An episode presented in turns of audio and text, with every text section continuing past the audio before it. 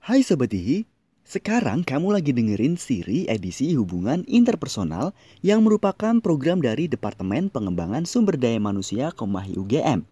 Bakalan ada banyak banget episode ngobrol santuy tentang topik dan tema yang menarik bareng sama teman-teman dari HI UGM yang tentunya inspiratif. Pokoknya bakalan seru banget deh. Stay tune ya.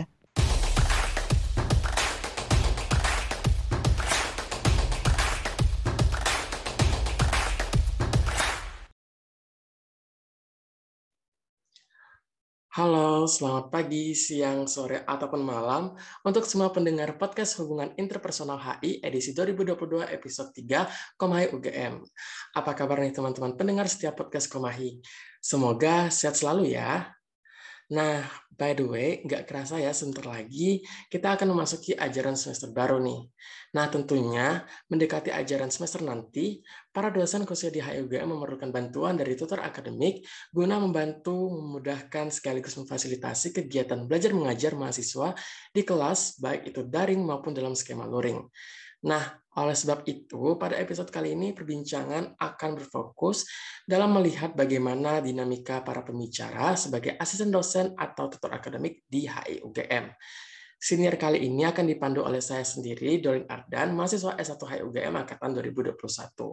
Terlebih lagi, untuk mengupas tuntas seluk-beluk sebagai asisten dosen atau tutor akademik, Senior kali ini akan mendatangkan dua mahasiswa S1 HUGM yang berkesempatan menjadi tutor akademik periode 2021-2022.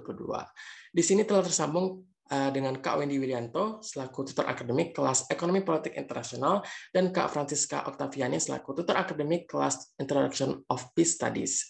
Baik, mari kita sapa kedua narasumber yang keren banget ini. Halo Kak Wendy, halo Kak Caca. Halo Dolin. Halo Dolin. Oke, gimana nih kabarnya dari Kak Caca dan Kak Wendy? Puji Tuhan aku kabarnya baik-baik aja nih. Kalau Dolin dan Caca gimana? Uh, aku juga baik-baik aja sih. Kalau Dolin gimana? Wah, Aku juga baik sih, Kak. Malahan aku antusias banget untuk mendengar bincang-bincang seru hari ini. Terlebih lagi kan, tema kali ini sangat relate, khususnya bagi teman-teman yang ingin terjun dan mengikuti jejak Kak Wendy dan Kak Nisa selaku tutor akademik semester depan. Eh, nah, untuk memulaikan perbincangan hari ini, aku penasaran nih Kak terkait pengalaman baik sebelum, selama, dan setelah berproses eh, menjadi seorang tutor akademik nih.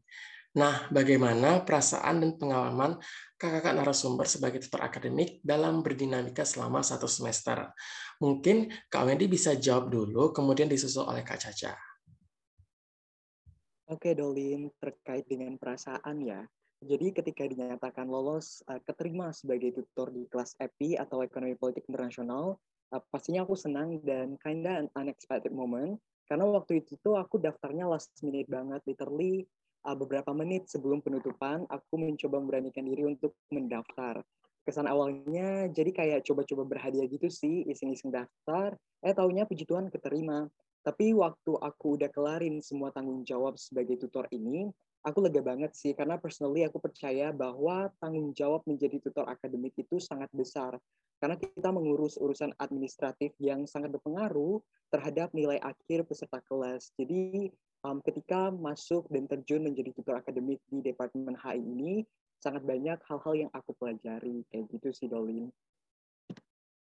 Siap, Kak. Gimana untuk Kak Caca? Kalau aku mungkin kayak mirip-mirip gitu ya. Awalnya itu unexpected banget. Soalnya aku ngedaftarnya juga sama, last minute, terus tiba-tiba kepikiran aja gitu. Tapi ya keterima. Um, mungkin kayak perasaannya pas jujur kalau aku lebih terfokus kepada apa ya during the whole thing the whole thing ya kayak pas itunya jujur seru banget karena I, aku nggak tahu kenapa tapi aku kan kelasnya tiap hari Selasa nih. Terus tiap hari Selasa tuh ibaratnya there is something to look forward to gitu loh. So jujur I really enjoyed the entire um, experience in itself. Dan di akhir itu semua juga pas ngerekap dan juga kayak ngebuat hal administratifnya juga kayak oh iya udah lewat gitu ya satu semester bersama beberapa peserta kelas ini that I've gotten to know gitu. So ya, yeah, jujur seru aja sih. Wah, Keren banget sih Kak. Uh, waduh sebenarnya aku semakin tertarik banget nih untuk mencoba berproses menjadi tutor uh, akademik semester depan. Nah, berangkat dari jawaban Kak Wendy dan Kak Caca, aku penasaran nih terkait ekspektasi dan realita Kak ketika berproses sebagai tutor akademik. Mungkin Kak Caca bisa jawab dulu, kemudian disusul oleh Kak Wendy. Oke, um, mungkin kalau dari aku ya, kalau misalnya ketika kamu jadi tutor akademik itu kan ibaratnya kalau bahasanya itu bahasa uh, I guess lebih dikenal itu kan asisten dosen ya, tapi technically kalau di HI itu beda, bukan asisten dosen tapi lebih ke tutor, which is ya ada bedanya gitu. Um, di dalam uh, persepsi orang lain biasanya asisten dosen itu dilihat sebagai kayak um, under the dosen almost like kamu tuh uh, apa ya respectable or apa ya lebih dipandang tinggi gitu. Tapi sebenarnya kayak kalau menurut aku jadi tutor itu it's like ibaratnya uh, peserta kelas kamu tuh punya temen aja gitu loh. And I don't know for me it was more lebih ke situ daripada lebih ke apa ya that strict role of menjadi um, that kind of ideal asisten dosen. Malah I think kayak sebenarnya realitanya itu kita sama aja kayak peserta kelas cuman bedanya kita tahu aja what's gonna go on. Dan kita bisa ngomong sama dosen secara langsung dan lebih freely aja I think. Mungkin itu dari aku aja sih. But mungkin dari Wendy gimana gitu? Mungkin beda kali ya. Oke, okay, Ca. Um, sebenarnya aku sama banget sih sama yang kamu pikirkan. Sebenarnya sebelum daftar jadi tutor akademik di HI, asumsi aku terkait tutor akademik itu sangat akademis ya seperti asdos pada umumnya lah.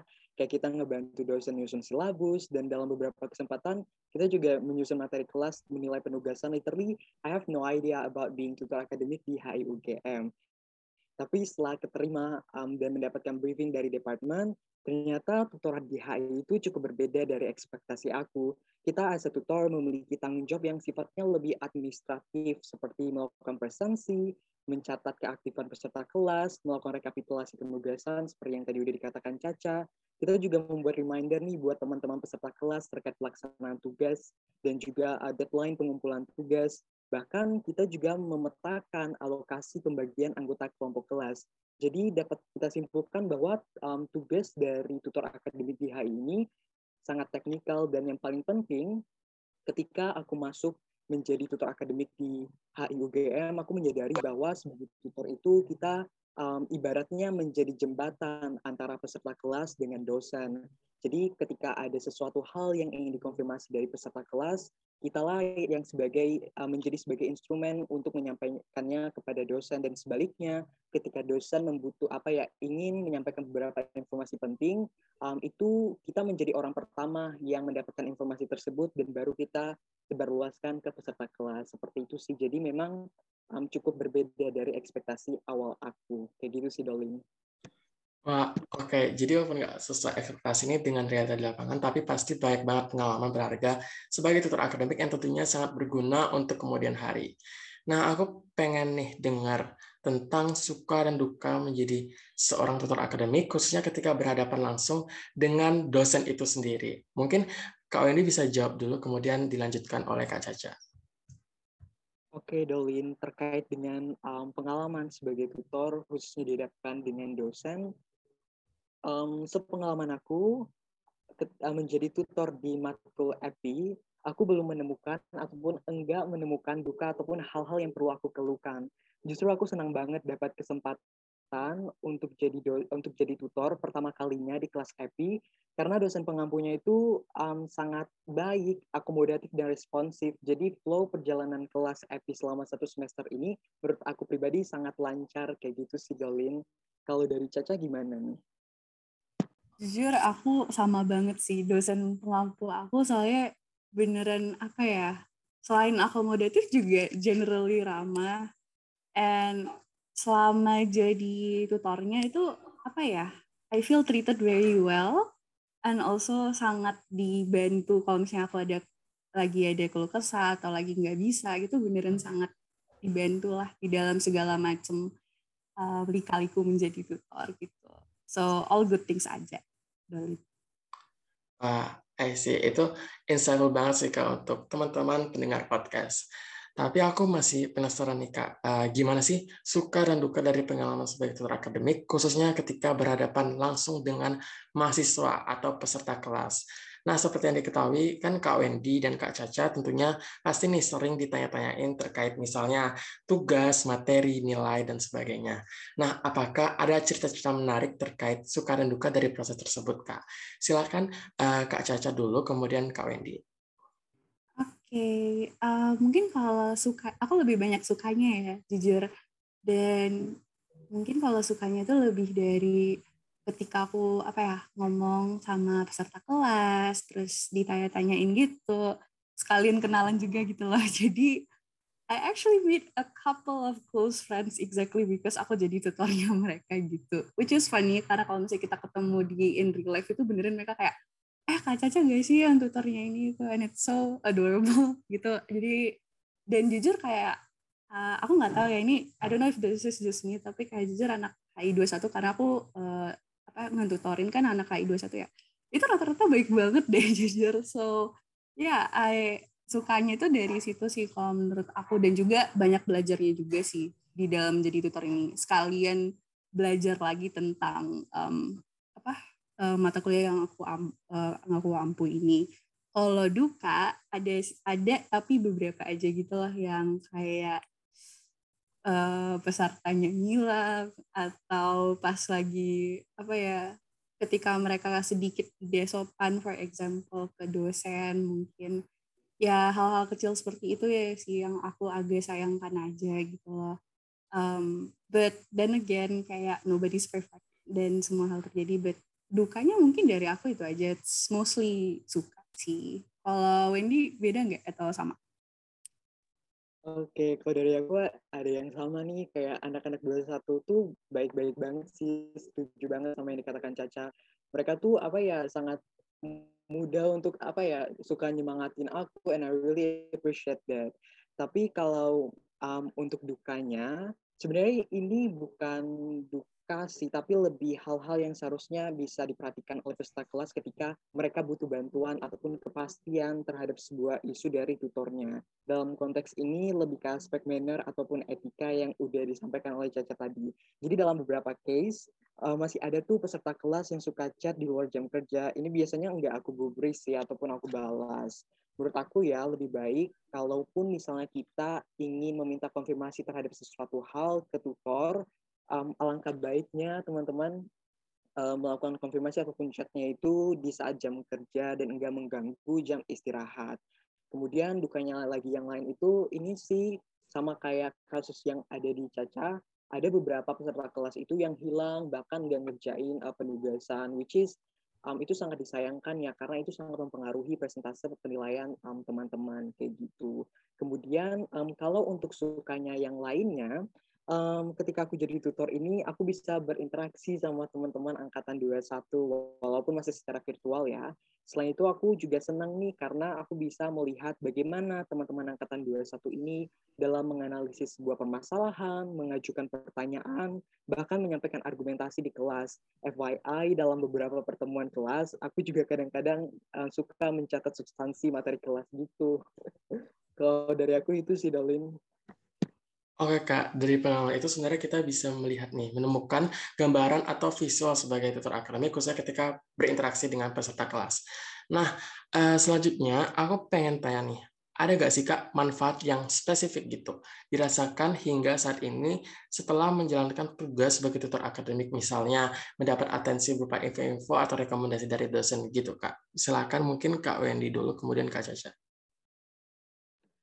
menurut aku banyak policy manfaatnya selain menambah list di section experience CV dan LinkedIn uh, jadi tutor juga melatih time management aku karena in the end aku tetap seorang mahasiswa yang punya banyak tugas kuliah, aktivitas organisasi, dan tanggung jawab pekerjaan lainnya. Jadi aku harus bisa semaksimal mungkin mengatur semua kegiatan biar tidak keteteran.